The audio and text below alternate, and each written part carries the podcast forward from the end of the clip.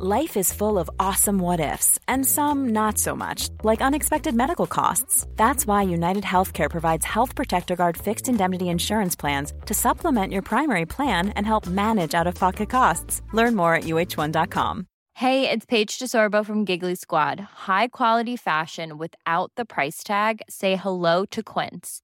I'm snagging high end essentials like cozy cashmere sweaters, sleek leather jackets, fine jewelry, and so much more. With Quince being 50 to 80% less than similar brands. And they partner with factories that prioritize safe, ethical, and responsible manufacturing. I love that. Luxury quality within reach. Go to quince.com slash style to get free shipping and 365 day returns on your next order. Quince.com slash style.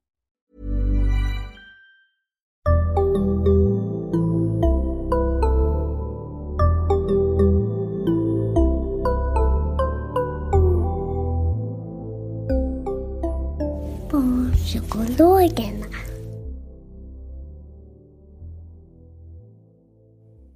Hej och välkomna till Barnpsykologerna, en podd med Liv Syrski och Lars Klintvall. Och idag med Kristina Meder från Länsförsäkringar. Hej! Hej! Jag ska fråga dig lite om Länsförsäkringars barnförsäkringar vad gäller liksom neuropsykiatriska diagnoser. Att det är du som är expert på det. Ja, jag jobbar här på Länsförsäkringar som produktspecialist och har hand om sjuk och olycksfallsförsäkringar och barnförsäkringar är ju en av dem. Perfekt. Vad finns det för, liksom för skydd i Länsförsäkringars barnförsäkringar vad gäller neuropsykiatriska diagnoser? Det är egentligen tre ersättningsmoment som vi kan hjälpa till med då. Till att börja med så kan ju då om barnet då får en bestående funktionsnedsättning så lämnar man ersättning för något som heter medicinsk invaliditet. Förlåt, invaliditet betyder det är samma som att det hade varit en kroppslig sjukdom? Att man har blivit invalid? Ja, precis. Liksom. precis. Man tittar på liksom hur funktionsnedsättningen ser ut. Eh, vi kan ta ett exempel då så man förstår. Är den 10 procent så om man har det här det högsta försäkringsbeloppet hos oss på rädsförsäkringar som är ungefär 2,6 miljoner. Då blir då ersättningen 10 procent av försäkringsbeloppet som är 260 000 ungefär. Oberoende vad du har valt försäkringsbelopp så kan du också få ersättning då om barnet skulle få problem och blir inskriven för vård på sjukhus, alltså ligger på sjukhus. Då betalar vi ersättning för den här sjukhusvistelsen. Just det, det behöver inte vara behandling, det kan vara utredning också. Ja, precis. Och sen är det så också, finns det något som heter krishjälp. Det kan ju vara så att man behöver samtalsterapi på något sätt, eh, stöttning. Och då kan vi betala det vid tio tillfällen. Om vi backar till det här äh, medicinsk invaliditetsbegreppet. Eh, och då sa du så här, exemplet var att ah, man kanske får 10% medicinsk invaliditet. Vilka olika områden är det som man tittar på i barnets fungerande när man ska bedöma den där procentsiffran? Ja, man tittar på då om de besvär som barnen har, om de är lätta, måttliga eller svåra och då är det tre områden som man tittar på i det här fallet. Det är den allmändagliga livsföringen, det är hur psykiska grundfunktioner fungerar och social aktivitet. Och så gör man liksom en sammantagen bedömning och man lägger också till det här med sociala aktiviteter. Och vad är det för någonting? Då? Ja, det är ju lite det här hur fungerar relationer, familjeförhållanden, överhuvudtaget sådana här förhållanden, interaktion mellan personer, kompisar och kollegor. Det är en omfattande bedömning man gör och man försöker också hitta medicinska samband mellan olika symptom och besvär. Jättebra. Kan du, om du skulle sammanfatta så här, vad du, om du kunde säga så här, vad du önskar att alla föräldrar skulle veta om barnförsäkringar och neuropsykiatriska diagnoser. Vad är det i så fall? Ja, kom ihåg att det kan ta tid innan vi kan bedöma den här ersättningsmöjligheten för medicinsk invaliditet, den här bestående funktionsnedsättningen. Och det är också för att vi vill kunna se till att de barn som har störst behov verkligen kan få ersättning. De som inte får en välfungerande vardag. Och sen var det ju så att skada ersätts då efter de villkor som gällde när symptomen på sjukdomen visade sig första gången. Och det är tidigare när man får en diagnos. Det är ofta då när läkare eller en psykolog har sett besvären. Det medicinska underlaget, det kan vara utredningar, vårdjournaler, det har stor betydelse vid den här bedömningen. Och så skulle jag vilja avsluta med att Ja, det är ju så här att det är ju stora individuella variationer om hur de här besvären ser ut. Den nedsatta förmågan här kan ju i första hand, det är ju inte en fysisk oförmåga, det är oftast lättare. Man kan tänka sig en skadad axel. Det kan ju innebära att du inte kan röra din arm och det kan vara lättare att bedöma. Men här ska vi titta på besvär då som påverkar den allmändagliga livsföringen, psykiska grundfunktioner och sociala aktiviteter. Så det är sammanfattningsvis mycket och svåra bedömningar som görs. Och det här, om vi backar det här med medicinska underlaget, när du säger att det har stor Mm. betydelse, betyder det att det är det enda som har betydelse? Nej, det, nej, medicinska underlaget har betydelse för att det finns ju oftast objektiva fakta. Man tittar på det i första hand. Eh, Men sen titt, så ställer man, noterar man ju också vad de subjektiva besvären som individen upplever. Du får ju alltid själv berätta hur dina besvär ser ut. Men med det medicinska underlaget så hittar man ju framförallt den här när symptom visade sig första gången. Eh, tack så mycket Kristina! Tack själv!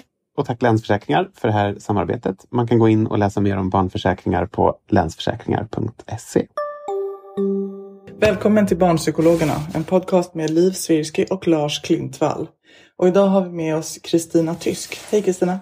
Hej hej! Eh, och eh, Kristina, du har ju varit med oss tidigare. I avsnitt 72 pratade du och Lars om begåvning och låg begåvning.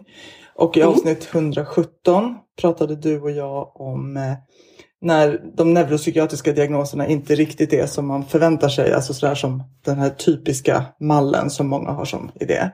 Just det. Och idag är Just du med oss för vi ska prata lite om hur det är att ha ADHD eh, som tonåring. Att få diagnosen i den åldern och hur, Mm. hur det yttrar sig så. Ja. Men innan vi kör igång så kan du väl ändå bara berätta kort vem du är. ja, jag heter Kristina Tysk, precis som du sa, och är psykolog och arbetar framförallt med neuropsykiatriska utredningar av barn och ungdomar. Så att, eh, ja, upp till 18 år kan man väl säga. Så absolut den här gruppen som vi ska prata om idag, tonårsgruppen, träffar jag ganska ofta. Eh, sen jobbar jag lite som, lite som skolpsykolog eh, och med lite andra uppgifter också. Men, men framförallt de här barnen och ungdomarna är, min, är de jag träffar allra mest. Just det. Och innan vi liksom drar igång hela det här ämnet så kanske vi bara ändå kort ska definiera vad ADHD är. Mm, ja, det är ju då eh, en diagnos som, som hör till det här begreppet neuropsykiatrisk funktionsnedsättning. Eh, och eh, bokstäverna i ADHD kan ju vara värda att repetera vad de står för. Det är en engelsk förkortning som står för Attention Deficit Hyperactivity Disorder. Alltså uppmärksamhetsbrist och hyperaktivitetsstörning. Disorder låter ju lite bättre än, än störning på svenska kan man tänka. Eh, och det innebär att man har svårt, det är två grupper av liksom, svårigheter. Den första delen då, det här A som står för attention, alltså svårigheter med uppmärksamhet, fokus, koncentrationsförmåga. Och där skulle jag vilja säga att det kanske framförallt är svårt att rikta sin, sitt fokus. Alltså, man kan ha koncentration på, på saker som intresserar och som, och som är spännande. Men, men att kunna rikta och göra saker trots att det inte är superspännande. Eh, och att eh, klara av sånt som, som, eh, ja, som inte är liksom precis det man vill just nu till exempel. Eh, så, så svårigheter att reglera och, och, och rikta sin uppmärksamhet. Och den andra delen som då heter hyperactivity disorder, alltså hyperaktivitets. Hyper betyder ju mycket. Eh, så att man har en överaktivitet eh, rent fysiskt tänker man, framförallt hos yngre barn. Det är svårt att sitta stilla, om upp och rör på sig mycket, klättrar, kanske gör farliga saker. Eh, Kopplat med det finns också det här med impulsivitet, att det är svårt att hejda sig, eh, svårt att tänka efter innan. Det kommer vi in på lite senare tänker jag idag, men att den där bilden ser lite annorlunda ut när man blir äldre. Ehm, sen finns det också de som då så att säga, framförallt har svårt med sin uppmärksamhet men inte har den här överaktiviteten, kanske snarare svårt att komma igång, svårt att starta upp och hålla energin uppe. Uh, och då brukar man uh, prata om det som man pratar om som man kallar för ADD. Diagnosen heter ADHD fortfarande, man sätter H lite inom parentes uh, och då är det framförallt uppmärksamheten som är svårt. Då. Så att det finns lite olika varianter och sen finns det ja, lika många personer som, som, som har diagnosen. Så många varianter finns det väl egentligen eftersom, mm. eftersom det ser olika ut hos olika personer. Men då, nu nämnde du lite det gissar eller berörde det. För hur kan man tänka sig att det här kommer att se ut hos en tonåring eftersom det kanske då förändras med tiden? Mm. Ja, jag vet inte riktigt. Det, det är lite skillnad på de som kanske har fått sin diagnos som yngre barn och hur det liksom utvecklar sig sen och de som inte har fått sin diagnos förrän man är i tonåren eller ungvuxen. Så. Men, men om vi tänker oss ändå den här, liksom, de som kanske får sin diagnos som lite yngre och sen så och växer upp. Eh, det som oftast händer är just det här som jag pratade om, det här med överaktiviteten, att den bilden förändras. Mm.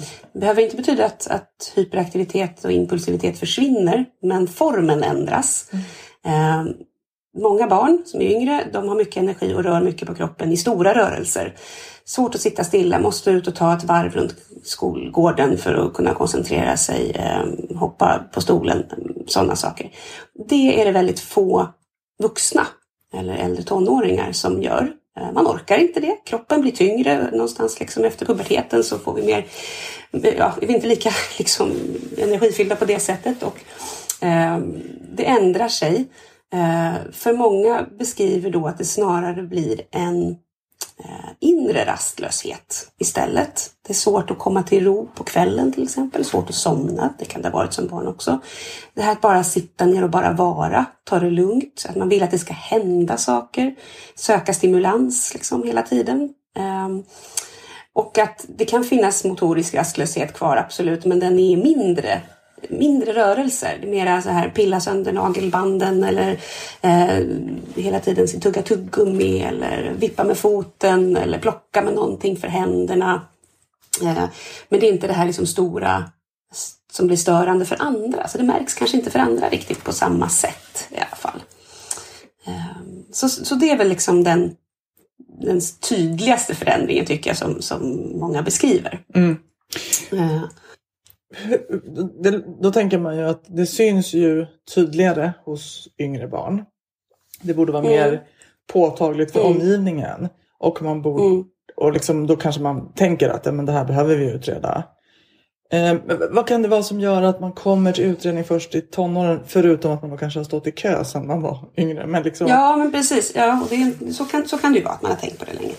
Eh, men det kan vara massa saker som gör Dels kan det ju vara att, att eh, familj och barn inte har velat utreda. Det kanske har varit så att det har kommit förslag om det men man har tänkt att nej, men det här är någon, det kanske växer bort eller så föräldrar som förälder tänker man men så var jag också när jag var liten och sen ändrade det sig. Eh, man kanske inte tycker att det finns ett stort lidande av det. Mm. Alltså att, nej men absolut, ja, han rör på sig jättemycket men, men det funkar bra ändå. Det är inga problem. Eh, det, det, kan ju vara det ena. Eh, det andra kan ju vara att eh, att omgivningen inte heller har tyckt att det har varit ett jättestort problem. Alltså att, att man tyckt att nej, men det här, det, det, så här är barn, det, det, det är inga problem. Men sen till slut så liksom har det gått så långt så att säga, fast nu har alla andra, de allra flesta andra i samma ålder eh, liksom mognat på sig och börjat klara av saker. Men det här barnet har fortfarande jättestora stödbehov. Ja, men då kanske vi behöver utreda. Mm. För, för så är det ju, att ju yngre barn man träffar desto större liksom variation finns det. Man kan, man kan liksom se väldigt många olika typer av beteenden och, och tänka att det där är inga konstigheter. Mm. Eh, men sen ju äldre vi blir desto mer liksom förväntas barn kunna klara av ungefär samma uppgifter upp i skolålder. Så det kan ju vara det. Um, sen finns det ju de där, där det liksom börjar dyka upp andra svårigheter.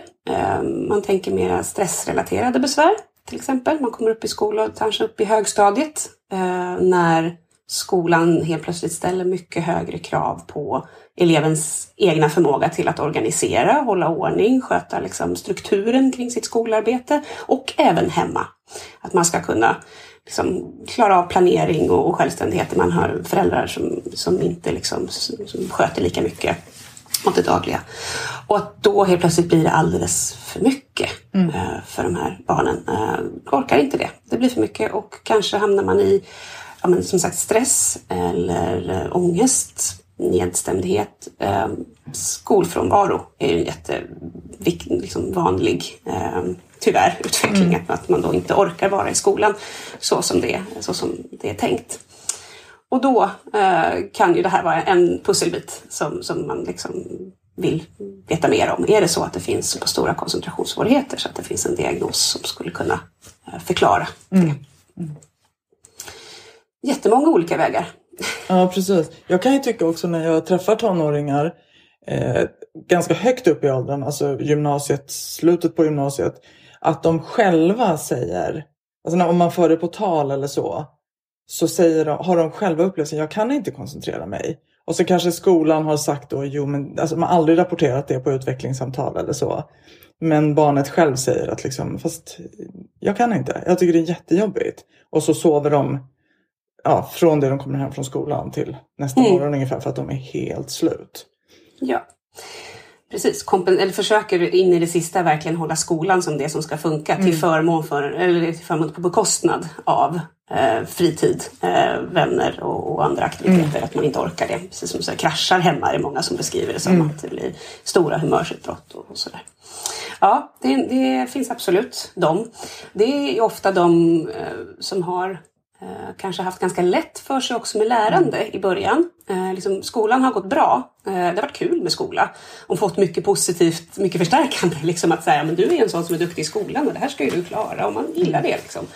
Men, och, och då blev det helt plötsligt svårt att eh, kanske be om den där hjälpen eh, man behöver. Eh, och det är svårt för omgivningen att se, för prestationerna har ju varit bra.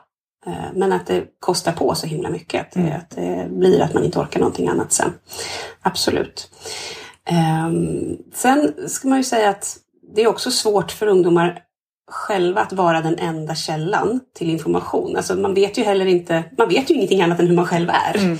Eh, så att ja, jag har alltid haft svårt att koncentrera mig. Eh, fast hur vet man det i jämförelse med andra? Eh, många kan ju komma och beskriva med den här känslan av att så här, men jag är konstig. Alla andra klarar saker. De bara liksom lämnar in sina uppgifter när de ska. Eller de vet var de har sina grejer någonstans. Och jag, jag är bara jätteudda och konstig och verkar inte alls klara det där på samma sätt som alla andra. Ehm, Så att, ja, det, jag känner igen det också att det kan komma. Sen kan det ändå vara svårt att ehm, när det bara är ungdomen själv, bara inom citationstecken, som kommer och säger så kan, så kan i en utredning ändå vara lite svårt att få fatt i vad det är. För att om, det inte har synts några svårigheter alls, varken från liksom, familjen eller från skolan, eh, då, då är det svårt att bedöma riktigt. Då kan man ibland behöva avvakta och liksom ändå jobba med de strategierna som, som, man behöver, som man brukar rekommendera för personer med ADHD. De är ju inte egentligen någonting som, ingen, som andra inte mår bra av. Eller så att säga. Att tänka att, och, och som också, alltså det är inte så att det krävs en diagnos för att man ska ha rätt till stödet ifrån skolan, från sin högstadie eller gymnasieskola. Utan då kan man behöva, liksom, okej, men vi sätter in stöd som om. Eh, extra mentorstid, hjälp med planering, eh, uppgifter som är mera liksom uppdelade eh, och se vad det, se vad det ger. Så att säga. Ehm, så. Planning for your next trip? Elevate your travel style with Quince. Quince has all the jet setting essentials you'll want for your next getaway, like European linen, premium luggage options, buttery soft Italian leather bags, and so much more. And it's all priced at 50 to 80% less than similar brands. Plus, Quince only works with factories that use safe and ethical manufacturing practices. Pack your bags with high-quality essentials you'll be wearing for vacations to come with Quince. Go to quince.com slash trip for free shipping and 365-day returns. Quality sleep is essential. That's why the Sleep Number Smart Bed is designed for your ever evolving sleep needs. Need a bed that's firmer or softer on either side? Helps you sleep at a comfortable temperature? Sleep Number Smart Beds let you individualize your comfort so you sleep better together. JD Power ranks Sleep Number number 1 in customer satisfaction with mattresses purchased in-store. And now, save 50% on the Sleep Number limited edition Smart Bed for a limited time. For JD Power 2023 award information, visit jdpower.com/awards. Only at a Sleep Number store or sleepnumber.com. Everyone knows therapy is great for solving problems, but getting therapy has its own problems too, like finding the right therapist, fitting into their schedule, and of course, the cost. Well, BetterHelp can solve those problems. It's totally online and built around your schedule. It's surprisingly affordable too. Connect with a credentialed therapist by phone, video, or online chat, all from the comfort of your home. Visit betterhelp.com to learn more and save 10% on your first month. That's BetterHelp, H E L P. Mm. Om man då gör en utredning i tonåren, se, skiljer den sig på något sätt från hur utredningen går till när barnet är yngre? Inte i det stora hela. Nej. Det ska fortfarande vara samma delar eh, som genomförs men med större mer information från ungdomen själv. Alltså ju äldre man blir desto mer kan man ju prata för sig själv och berätta om vad man själv tycker är svårt och vad man behöver hjälp med. Men, men i princip så är det samma eh, upplägg. Alltså, vi lägger stor vikt vid det vi kallar för anamnes, alltså att fråga föräldrar framför allt om hur barnets utveckling har varit bakåt. Och då börjar man liksom från att barnet låg i magen i princip och, och ställer frågor framåt. Hur var det när man, när man var liten? Var det, någonting, var det några liksom konstigheter på BVC-kontrollerna? Hur gick det när man gick på förskola? Hur funkade det? Vad tyckte de om att leka med? Vad var de för typ? Och där kan ju många, jag vet att jag pratade om det någon gång tidigare, när, det var i förra avsnittet, många föräldrar tänka att så här, "Men varför såg vi inte? Redan Hon var ju jätteaktiv då, kunde inte sitta still och var ute och klättrade i träd och eh, fick alltid sitta i frökens knä på samlingar för att kunna vara med och, och sådär. Eh, varför varför liksom, upptäckte vi inte då? Eh, och, och, och det är ju lätt att se i backspegeln ett mönster och det är därför anamnesen är viktig, att liksom kartlägga den. Men, när, men då, när man är där med det där barnet som, som behöver sitta i frökens knä och så, så är det jättesvårt att, att liksom se framtiden om det kommer vara ett problem framåt. För tittar man på en förskolegrupp, vilken som helst, så är det många barn som har precis de beteendena och alla de barnen kommer inte ha sådana svårigheter när de blir äldre. så att det, det, det kan vara liksom viktigt att, att tänka på som förälder. Eh, men, men så att en noga kartläggning av, av tidig utveckling och uteslutande av andra finns det. Det är därför man har med sig en läkare också i utredningarna. Finns det några medicinska, liksom, har det varit några problem eh, som man behöver ha koll på? Ehm, och sen så brukar vi vilja prata med skolan också eh, för att få en bild, aktuell bild av hur det funkar i skolan. Där kan det vara lite trixigt när de börjar komma upp på gymnasiet. Eh, därför att eh, i gymnasiet så är det finns absolut fantastiska pedagoger på gymnasiet som har koll på sina elever men, men oftast så har ju liksom i grundskolan så har mentorn och så mycket mer av en helhetsbild eh, kring även hur det fungerar i andra ämnen än det ämnet som den mentorn undervisar i till exempel och har mer kontakt med familjen och sådär. Uppe i gymnasiet så, så kan det bli lite svårare att få liksom, så då kan vi ibland så här, få fråga, kan vi få prata med någon lärare som du hade när du gick i högstadiet? Eh, ofta så är de jättegenerösa med sin tid och kan ställa upp och prata en liten stund om en gammal elev. Eh, och sen så träffar vi ju ungdomen för att de ska få berätta och det är väl det som kanske skiljer sig, att man kan ställa lite mer, för att ha ett lite mer vuxet samtal eh, och, och, och liksom tänka sig att det här barnet ska kunna ändå beskriva sina svårigheter lite mer än vad man kan tänka sig med ett yngre barn. Eh, och så gör vi lite olika tester. Det finns ju inte liksom ett test man gör för att få veta om det finns en diagnos eller inte. Inte än i alla fall. Det är fantastiskt. Eh, utan man, man gör lite olika tester och det här skiljer sig lite från olika, olika delar av landet och hur det är upplagt och sådär. Men, men de jag träffar så vill man göra en Dels en kognitiv bedömning, man tittar på, på begåvning helt enkelt, det jag pratade om där i första avsnittet. Eh, för, att, ja, för att utesluta att det inte finns några begåvningsmässiga svårigheter men också för att få en bild av ungdomens styrkor och svagheter relativt sig själv så att säga. För att man vill ju när man gör en utredning oavsett om man landar i en diagnos eller inte kunna komma med rekommendationer om vilken typ av stöd vore bra. Och då är det ju väldigt bra att veta var det här barnet har liksom sina styrkor och, och var det finns behov av hjälp någonstans. Och så brukar de få fylla i lite olika skattningsskalor, både kring det här med koncentration men också lite grann kring psykisk hälsa för att screena för det. Och så kan man göra något lite mer koncentrationsspecifikt test också. Titta på lite exekutiva funktioner och så. Eh, Men föräldrarna är fortfarande liksom involverade. De, har ju fortfarande, de är inte myndiga, så att de har ju vårdnadshavare. Eh, Sen är det där, eh, jag menar, i takt, en 17-åring har ju liksom väldigt mycket stor rätt att bestämma över sig själv och, och sin egen vård. Så där kan man ju hamna i ibland att man har 17-åringar som som inte vill delge resultat till föräldrar till exempel och då får man göra en, liksom en mognadsbedömning och ganska ofta landar man ju i att men det har man alldeles rätt i att själv få bestämma över. Eh, det går ju någon slags magisk gräns vid 18 där helt plötsligt. Helt plötsligt då har man liksom får man bestämma allt själv. Eh, och och det, ja, det är lite konstigt från en natt till en annan kan jag tycka. Men så är det. Eh, Så nej, det var en lång svar. Det- Det skiljer sig egentligen inte i, i liksom de ingående delarna men man kan utveckla lite mera när man har ett äldre, eh, en äldre ungdom. Just det. Prata, prata för sig själv. Och om man då tänker att, att det resulterar i att ungdomen får diagnos. Hur, hur Mm. brukar det tas emot? Hur är det att få en diagnos i tonåren? Vad är din erfarenhet av dem? Ja, precis. En ADHD-diagnos pratar vi om nu. Ja. Det finns ju andra diagnoser. precis. Ehm, jag tycker att det brukar gå bra. Det, eller bra, det brukar, jag tycker, så, en viktig del av att göra utredning är ju också att innan man ens sätter igång faktiskt berätta vad det är man ska göra och vad, vad resultaten skulle kunna bli. Att om vi gör en utredning och du skulle få en diagnos, hur skulle det kännas tror du? Att ställa den frågan. Mm. Eh, och också ställa frågan, om vi nu gör en utredning och du inte får en diagnos, hur skulle det kännas? Mm. Och, och, och, för många ungdomar som har kommit så långt, alltså de, vi utreder ingen, ingen tonåring mot sin vilja. Eh, säger de det här vill jag inte, så, så kan vi inte det. Alltså rent fysiskt kan vi inte precis, det går in dem i rummet. Det, det går inte. Och svarar de inte på frågor så, så kan vi heller inte göra något. Så man måste liksom eh, ha med sig ungdomen på det. Mm. Sen kan man ju vara ambivalent och säga, men åh, vad händer? Vad finns det för nackdelar då? Tänk om andra får veta eller finns det jobb jag inte kommer kunna få eller plugg som jag, jag inte kan komma in på eller, eller sådär. Men, men så där, det är en sån här jätte lärdom, tänker jag, i mitt yrkesliv. Att så här, lägga ganska mycket tid på att så här, både med föräldrar och ungdom innan man faktiskt drar igång. Så här, Prata om varför ni vill göra det här. Hur skulle det kännas med de olika utfallen? Finns det något ni oroar er över?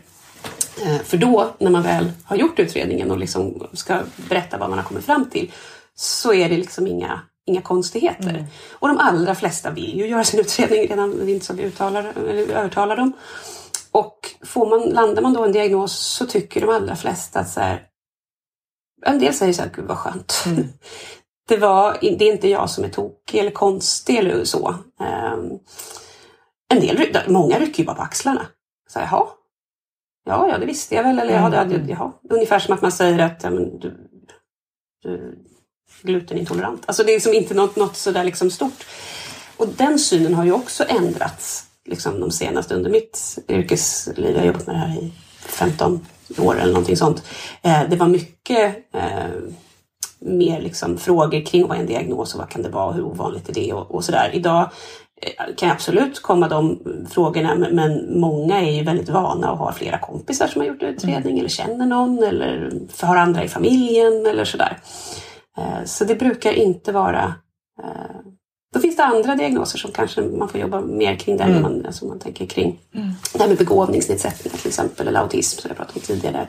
Där, kan det finnas lite mer sådana frågor. Men ADHD tycker jag är... Det handlar ju också om att ehm, tänker jag, medialt, att det liksom finns många fler som går ut och berättar om sina, om sina utredningar Mm. och, och vad de har resulterat. Det finns mycket, många fler, liksom, ehm, så att säga, heter det, inte förebilder, rollmodell, role models, vad är det, jag tappar ordet. Ja, men fin, finns and, andra att liksom identifiera sig med. Eh, sen kan det, då kan det ju snarare vara viktigt att prata om så här, fast du är inte likadan exakt som alla andra. Ja, så just vad, är, vad är det som är gemensamt i diagnosen med andra som du har och vad är det som skiljer sig? För det här är ganska bred, en bred diagnos. Man kan liksom ha ganska olika symptombild och ändå landar man i just ADHD som, som diagnosen. Mm. Ehm, nej men så att, som sagt, jag tycker inte att det brukar vara några, några svåra samtal faktiskt. Eh, sen kan det komma frågor som sagt. Och, och, alltså, att få en diagnos när man är 15, då kanske man helt plötsligt när man är 17 och 18 börjar fundera på andra saker. Så att man kan behöva återkomma till det. Mm. Eh, så. Och att leva med ADHD då i tonåren. För jag tänker Mm. att tonåren är ju, dels är det ju eh, jag menar, en hormonell förändringsperiod. Ja. Och så är det en period när man går från att vara liten till stor och man går från att vara i liksom total beroendeställning av de vuxna runt sig till att liksom slå sig fri och bli en självständig individ. Alltså det är så oerhört mycket som händer. ja, det är mycket som ska hända. Exakt. Och, och Mm. mitt i det här då få in ADHD också. Hur, hur kan det Ja. påverka? Ja, som tur är så får de ju inte ADHD när de är 16, även om det är då diagnosen ställs. Mm. De är ju samma personer. Det är ju liksom ingen skillnad. Så att många gånger har ju familjen fått liksom hitta strategier eh, och sätt att hjälpa sin ungdom även innan dess, för att de har förstått att det har behövts.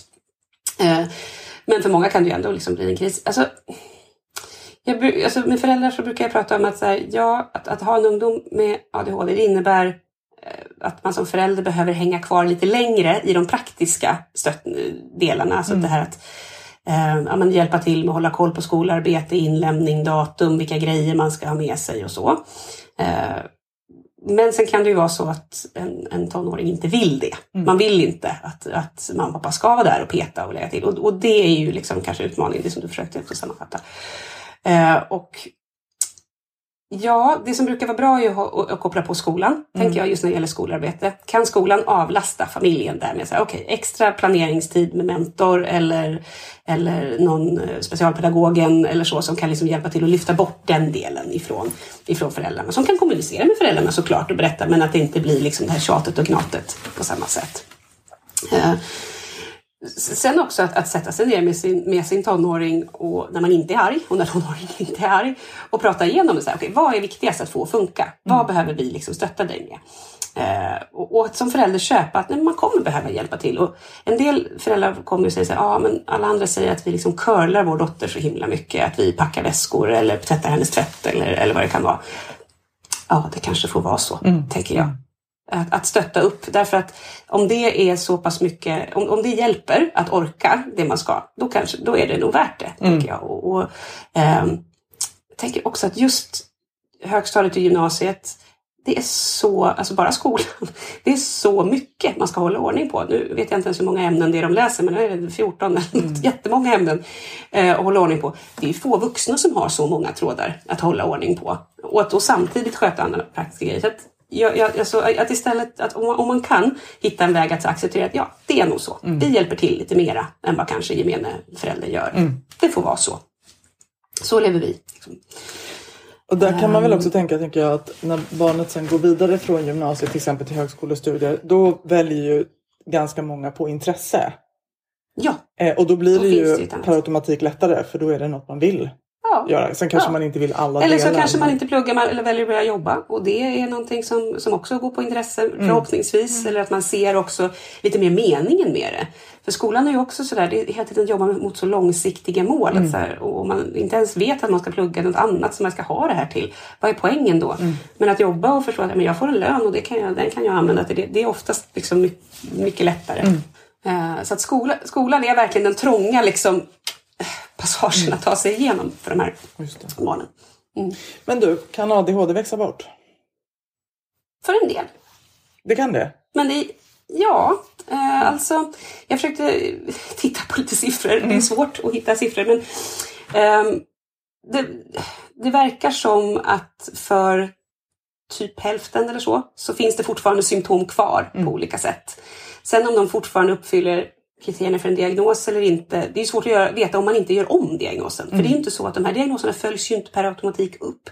Det är inte så att om man har fått en ADHD-diagnos som barn att man liksom alltid då gör en ny utredning när man är vuxen. Utan, utan det gör man ju då om man som vuxen tar kontakt med psykiatrin och säger att nu vill jag att den här görs om av en eller annan anledning. Så det är lite svårt att forska på. Eh, så. Eh, men ja, för en del så verkar det faktiskt som att, som att symptomen mildras så pass mycket att de inte längre uppfyller kriterierna för en diagnos. Men med det sagt, alltså det låter ju som att så här, okej, har du ADHD då har du svårt med koncentrationen, uppmärksamheten och, och hyperaktiviteten. Har du inte ADHD då har du inga svårigheter. Precis. Men, men, så är det, men så är det ju inte. Utan vi, vi kan placera in oss själva allihopa på, liksom en, på en skala efter hur lätt eller svårt vi har att koncentrera oss. Det här är också saker som symptom som vi alla någon gång har. Jag har också svårt att koncentrera mig, jag har svårt att sitta stilla eh, och, och har svårt att planera. Av olika skäl ibland. När jag är trött, när jag är stressad, när jag har ätit dåligt, när jag är ledsen, vad det kan vara. Skillnaden är ju då att, att för de här personerna så är det här liksom hela tiden och till en högre grad. Men det jag skulle komma till var ju då att säga, okej, om vi allihopa har mer eller mindre av det här, har man dragit en gräns och sagt att här, ja, men här går gränsen för att det är så pass funktionsnedsättande så att det motiverar en diagnos.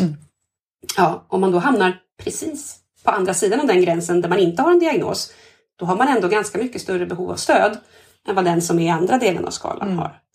Eh, Så att ja, symptomen kan mildras men, men det handlar ju också om att man som vuxen hittar strategier. Man vet vad man mår bra av och vad jag behöver. Till exempel, vilken typ av jobb mår jag bra av att ha? Nej, jag ska nog inte sitta stilla på ett kontor 8 till 5. Eller jag behöver Eh, jag behöver få ägna mig åt mina intressen och sen behöver jag kunna vila då och då så jag kanske inte kan jobba med, liksom, jag måste ha ett visst sorts schema eller, eller vad det nu kan vara. Man hittar det man mår bra av. Och, och då blir det heller inte lika funktionsnedsättande. En, en, en funktionsnedsättning existerar ju liksom bara i relation till den miljö man är i. Vad som förväntas av en där och då. Där skola till exempel är en ganska tuff miljö. Att det är mycket som förväntas och, och uppe i vuxenlivet så kan det se annorlunda ut. Men det finns naturligtvis de som har kvar sina svårigheter och där de får kanske större effekter än, än alltså man ska heller inte förminska det. Alltså det blir också som att okay, man kanske lämnar skolan eh, men att det får effekter på, ja, på att man kanske inte har svårt att sköta sitt arbetsliv mm. ordentligt. Eller att, man, eller att relationer blir någonting. Alltså att man, det blir impulsivt, man har liksom svårt att, att hitta vänskapsrelationer och kärleksrelationer som håller. Eh, och så. Så, att, så att det, det, finns det finns en väldig variation mm. i symptombild skulle jag säga. Mm. Men ja, det skulle kunna växa bort. Ja, det, det, kan utveckla sig så att man inte har så stor funktionsnedsättning av det längre. Det är jättesvårt att säga för ett barn som får en alltså mm. hur just det barnet kommer att utvecklas. Vi vet att saker som Alltså, natur, alltså som, som utbildningsnivå, alltså om man lyckas med skolan till exempel, har, är liksom en god prediktor. Att man, eh, att man är, är men frisk i största allmänhet. Mm. Alltså sådana saker. Men, men det, det, det, blir sånt som man kan se i backspegeln mm. ofta. Sen får man en diagnos när man är 17. Eh, liksom då kan man kanske tänka sig att de svårigheterna kommer att finnas kvar. Ja, alltså man, för då är du nästan vuxen, då, är du mm. nästan, liksom, då har man nästan facit. Mm. Eller på att säga. Eh, så att det är mer osäkert kanske om man får sin diagnos tidigare, mm. eh, när man är yngre. Mm. Eh, att se hur mycket liksom, av hjärnan som ska växa till sig och, och så. Just det. Men du, det här som du var lite inne på att en del kanske söker upp vården för att få, få en ny bedömning. Mm. För nu har man ju talat om det lite, att det är öppna mottagningar ja. för second opinion och, och, och avdiagnostisering kallar de det ibland. Alltså ja, att man ska ta bort en ADHD-diagnos. Mm. Och det är väl kanske just för de som tänker att den skulle ja, kunna De som upplever att, de inte, att, det inte, att det inte stämmer längre. Men eh, möter du sån, de som vill göra sådana? Nej, mm. det gör jag inte eftersom jag jobbar med barn. Så mm. jag, jag träffar dem oftast liksom i första första vändan, men jag har kollegor som jobbar med vuxna. Mm. Eh, så att jag, jag, hör ju, jag hör det du hör. Mm. Eh, och det är klart att i takt med att vi bygger ut och fångar upp de här barnen, desto fler vuxna kommer att komma ut eller upp i vuxenlivet som, som kanske har frågor om sina diagnoser. Så det är ju helt rimligt att det behöver, och det finns ingen jättetydlig liksom vårdkedja i det där, mm. upplever jag i alla fall. Som du säger, här, öppna, öppna mottagningar, det är, ja, det är väl liksom inte något som finns över hela landet eller så.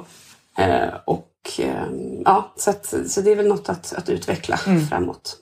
Och där kan ju en del ha oro, just som jag sa innan, så här, men okej, vad, vad, finns det för negativa konsekvenser då för, i ett vuxenliv av en diagnos? Mm. Um, och rent så på papper så, alltså det är ingenting som syns när du söker pass eller liksom, mm. som, står, som står i ditt betyg eller så. Det, det, står i journalerna som vården har och de har du rätt att läsa och din vårdgivare har rätt att läsa dem. Men inte arbetsgivare eller, eller så. Det finns ju några tillfällen där man upp, ändå uppmanas berätta om man det är så att man har en diagnos eller inte och det är ju då till exempel när man ska söka körkortstillstånd. Alltså inte för att få körkort men för att få tillståndet för att få övningsköra. Mm. Då fyller man ju i en hälsodeklaration med massa saker om man behöver ha glasögon, om man har några mediciner och då brukar den här frågan dyka upp också. Mm. Uh, och då kan det vara så att man behöver inkomma med ett extra läkarintyg uh, på lämpligheten att få övningsköra. Och det handlar ju om personer som är, har väldigt svårt med impulskontroll till exempel. Där man tänker att det kanske inte är lämpligt. Eller att, eller att det är så att man sätter som krav att då måste man um, kanske ha en fungerande medicinering om man har det som stöd till exempel. Mm. Men sen när man väl har det, då är det liksom samma process som för alla andra att, att liksom ta sitt körkort. Mm. Eh, som, det har varit en del eh, problem för de som har sökt eh, jobb inom polis och även inom försvaret. Där har man, inom försvaret i alla fall, har man ju ändrat den regeln nu. Det är inte så att man så att säga sållas bort för att man har en diagnos utan det ska göras en individuell prövning. Mm. Sen vet jag inte jättemycket mer om det, hur det, det är ganska mm. hyfsat nytt. Mm. Att, men man har i alla fall plockat bort det vilket ju känns helt rimligt mm. att man gör. Att man inte stänger de dörrarna. För att det, det, det är så olika individer. Så man måste göra, göra, en individuell bedömning som, precis som för alla andra. Mm. Och sen så brukar frågan om försäkringar dyka upp ibland. Um, och där, jag träffar ju barn så att det handlar ofta om att föräldrar som har, har tecknat privata barnförsäkringar för sina barn som ibland då kan uh, dels att man får en, att man får en försäkringsersättning om man, om man får en, en diagnos men att det då ibland kan vara svårt att man vill byta försäkring, att, mm. att man inte täcks och sådär. Så det, det skulle väl kunna vara det då. Mm. Just mm. Vad bra. Kristina, finns det något mer som du vill lägga till just utifrån tonårsperspektivet? Liksom? Men det finns ju massor att prata om förstås. Um, ja, men det är väl lite som kanske, kanske det vi pratade om förra gången, att, att inte missa tjejerna. Ja, just det. Eh, Vi, är fort, vi är fortfarande... Vi, det, det är fort, ja, det är fortfarande lite så att tjejerna missas. Mm. Inte till lika hög grad, men, men ändå. Eh, Eller att tjejer söker vård och stöd för andra, an- andra sökorsaker eh, än pojkar. Till exempel kring det här med stress och psykisk ohälsa. Eh, Och så kan man liksom i efterhand börja fundera på, är det så att att det finns andra svårigheter som gör att energin inte räcker till och Mm. att de här liksom, svårigheterna kommer som en sekundär pålagring istället. Så det är väl eh, kanske det. Ja, men det är väl jätteviktigt för att precis att, att komma ihåg att ställa de frågorna till de här tjejerna. Även om de kan, Ja. kan vara jätteduktiga i vissa sammanhang men också just tar slut helt Ja, av det. Liksom. ja. precis. Har du några boktips som du vill dela med dig om? Som handlar om just det här med ADHD i tonåren? Mm. Eh, ja, och den heter ju precis ungefär det du sa. En bok som heter Tonår med ADHD. Eh, en föräldraguide. Eh, som eh, utgiven av Natur och kultur. Kvinna som heter Carolina Lindberg som har skrivit. Jättebra. Som man kan tipsa om. Tack så jättemycket Kristina för att du var med oss igen. Vi kanske Ja, får se vem vet? Kanske det hoppas jag. Flera ämnen som vi måste ta upp. Det låter bra. Ja. Och tack ni som har lyssnat. Ett nytt avsnitt kommer snart. Till dess kan ni följa oss på Facebook där vi heter Barnpsykologerna och på Instagram där vi heter Barnpsykologerna podd. Tack hej!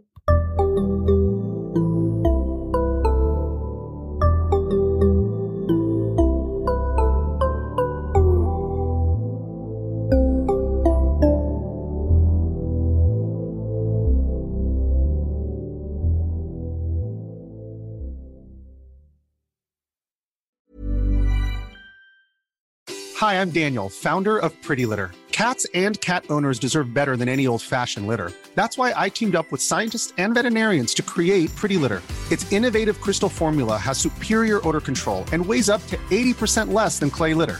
Pretty Litter even monitors health by changing colors to help detect early signs of potential illness. It's the world's smartest kitty litter.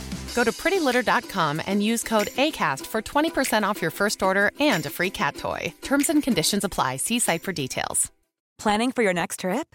Elevate your travel style with Quince. Quince has all the jet setting essentials you'll want for your next getaway, like European linen, premium luggage options, buttery soft Italian leather bags, and so much more. And is all priced at 50 to 80% less than similar brands. Plus, Quince only works with factories that use safe and ethical manufacturing practices. Pack your bags with high-quality essentials you'll be wearing for vacations to come with Quince. Go to quince.com slash pack for free shipping and 365-day returns.